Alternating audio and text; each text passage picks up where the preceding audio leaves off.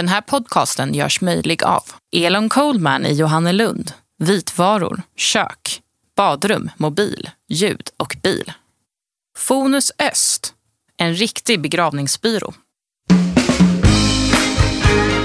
I 25 år har Karina Glänning författat krönikor. Det är en salig blandning av förnumstigheter och klavertramp. I podden Glennings gliringar läser Karina en handfull av dessa per avsnitt. Mycket nöje! Hej gott folk! Nu kör vi avsnitt 29 av Glennings gliringar. Välkommen!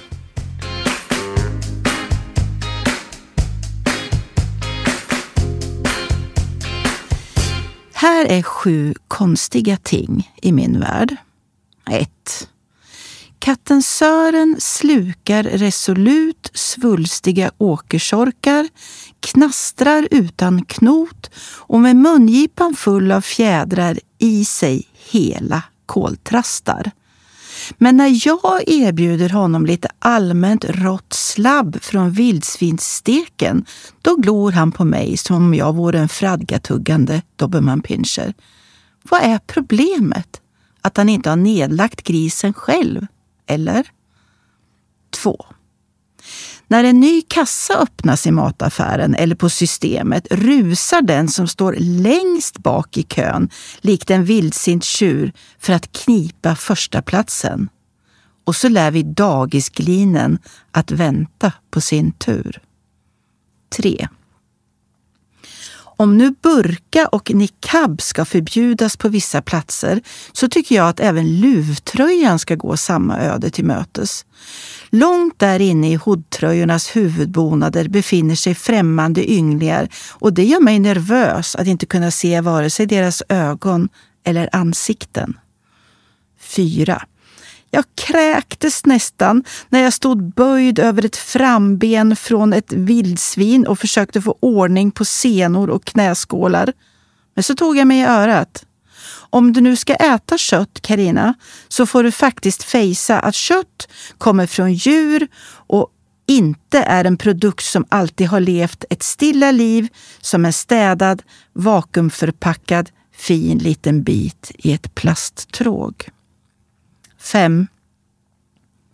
Mammas tunga borde vara kolsvart efter alla svordomar över hjortarna som äter upp hennes trädgård. Nu har en ung bock bosatt sig i en urgröpt halmbal. Åh, det är ingen hejd på omsorgerna. Det ska utfodras och skottas och stagas och fotodokumenteras och han är minsann sötare än alla andra hjortar i norra Europa. Hur ska kraken begripa att det blir skottpengar på honom så fort det börjar prunka i hennes täppa? 6. Alla inredningscoacher tjatar om att man måste våga vara personlig. Ändå ser alla moderna hem exakt likadana ut. 7. Jag tittar aldrig på sport och jag gillar inte att tävla. Ändå sitter jag klistrad framför tv-programmet Mästarnas mästare. Är det för att man möter människor av kött och blod istället för resultatmaskiner? På middag med sifferkungen. Luften stod stilla. Vi vågade knappt andas. Än mindre säga något. Jag tror att till och med klockorna på torget stannade en stund. Fyra personer tittade stint ner i bordet. Ibland inser alla, även det yngsta och mest pratglada barnet, att det bara finns en sak att göra. Hålla mun. Det var julafton och vi var i Tallinn, jag och helggubben och våra tre barn. Vi hade hittat en fantastisk medeltidsrestaurang och vi satt i sköna stoppade stolar kring ett stort runt bord i mitten av lokalen. Vi kände oss lite som kungar. Maten hade varit så fantastiskt god. Alla var så mätta och belåtna. Tänk vilken bra idé det hade varit att skippa den vanliga julen och dra till ett spa i Estland istället.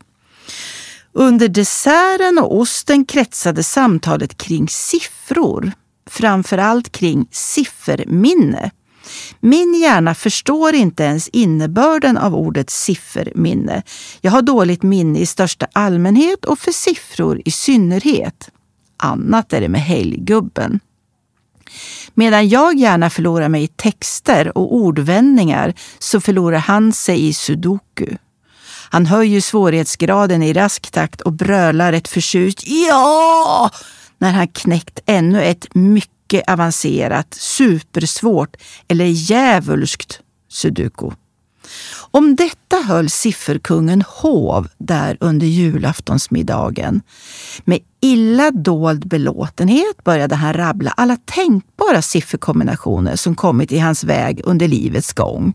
Telefonnummer, registreringsskyltar, portkoder och gamla bankkontonummer Wow! utbrast vi och triggad av detta folkets bifall spädde nu sifferkungen på med att deklamera bekantas före detta registreringsskyltar.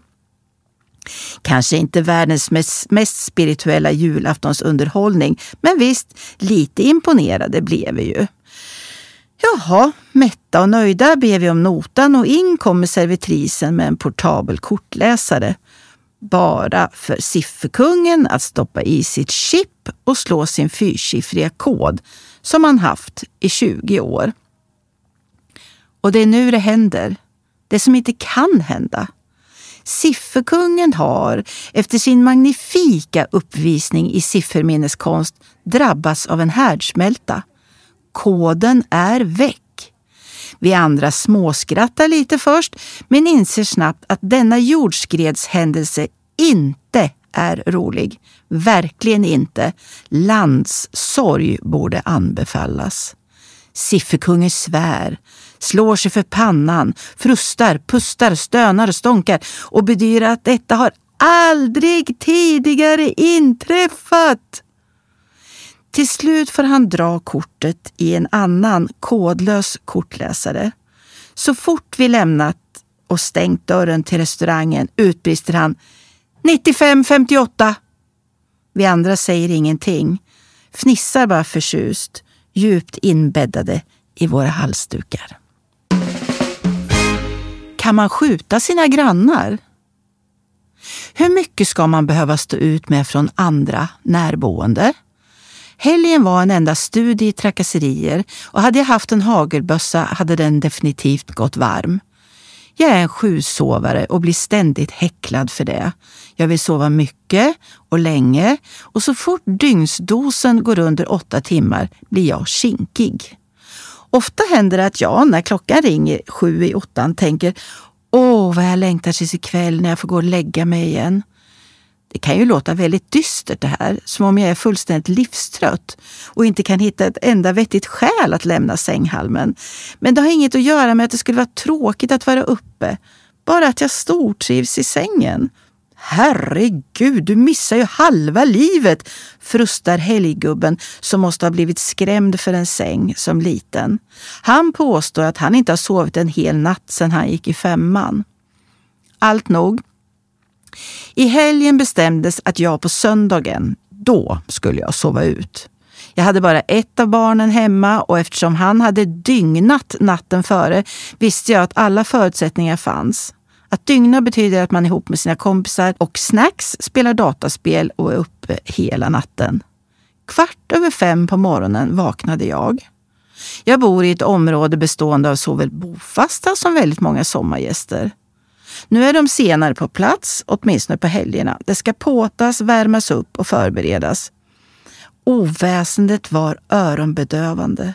Grannarna snett ovanför mig måste haft party och ännu inte lyckats schasa hem bekantskapskretsen.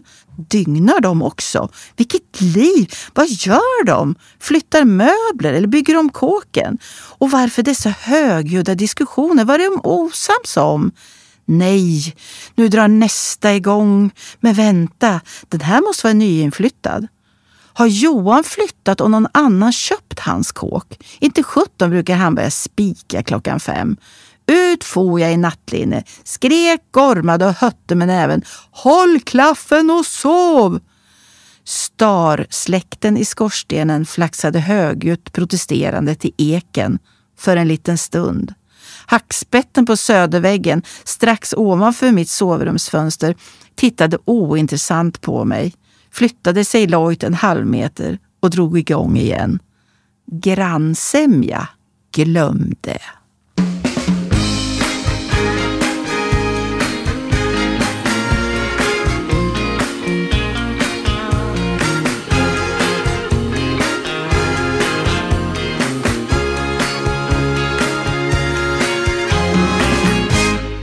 Att det är ett aprilskämt. Här har man gått omkring och inbillat sig att lyse på bilen är något viktigt. Tänk så fel jag haft. Min förra bil, en Golf, hittade på allehanda hyss vid minusgrader. Bland annat låste den själv dörrarna under färd. Man tog sig in genom en dörr men visste aldrig vilken man fick ta sig ut genom. Nu har jag en nyare bil, en Renault, som efter diverse verkstadsturer och krångel med en fastfrusen växellåda sköter sig fint. Så när ena halvljuslampan gick sönder tänkte jag att det är väl bara att köpa en ny lampa och skruva i den. Att man själv ser och syns för andra, det trodde jag var väsentligt i trafiken. Men jag måste ha haft fel. För om det vore viktigt så borde det också vara förbjudet att konstruera bilar på det sätt som min Renault är konstruerad. En simpel halvljuslampa en sån anser jag att en normalbegåvad människa borde kunna byta i halvmörker och regn längs en landsväg. Döm av min förvåning när jag slår upp instruktionsboken och läser följande. Eftersom det är svårt att komma åt lampan, det kan ibland vara nödvändigt att ta bort kaross eller mekanikdelar, råder vi dig att låta din Renault-representant byta lampan. Jag skulle alltså boka plats på en verkstad två och en halv mil hemifrån och köra enögd på mörka landsvägar tills de hade en tid. Vilket skämt! Helggubben och min mycket bilkunniga lillebror gav sig på operationen på påskafton. Det tog dem flera timmar att med gemensamma krafter byta glödlampan. Och det var ändå bra jobbat för enligt internet tar det en och en halv timme på en märkesverkstad.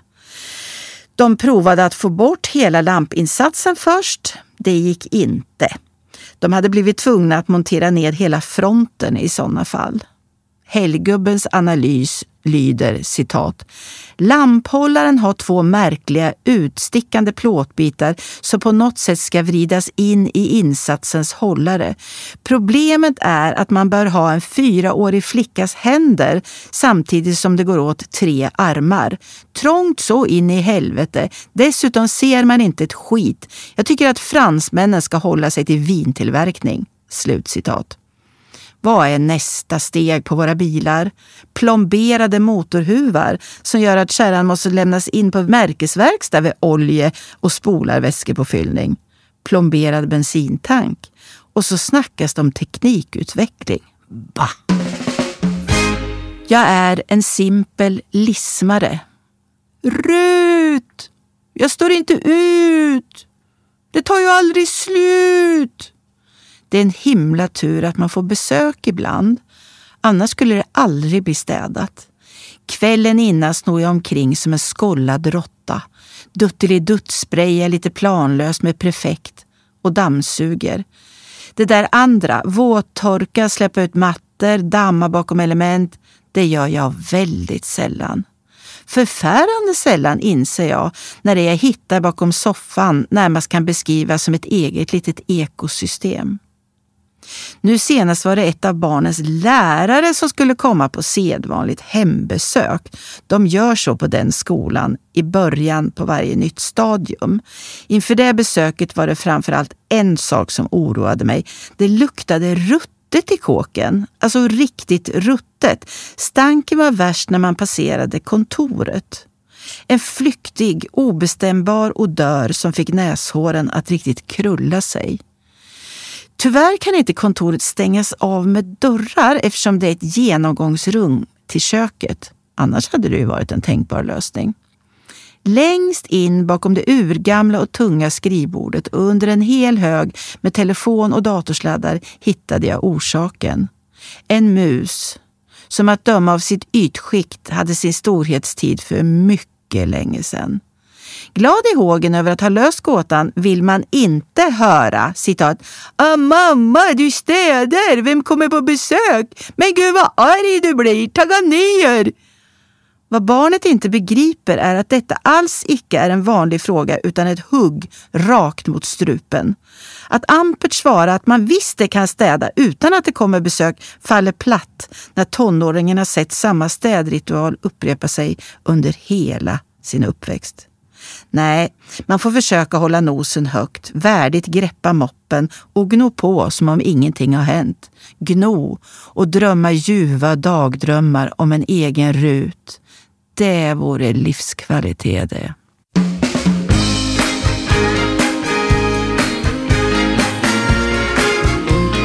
Du har lyssnat på Glennings gliringar.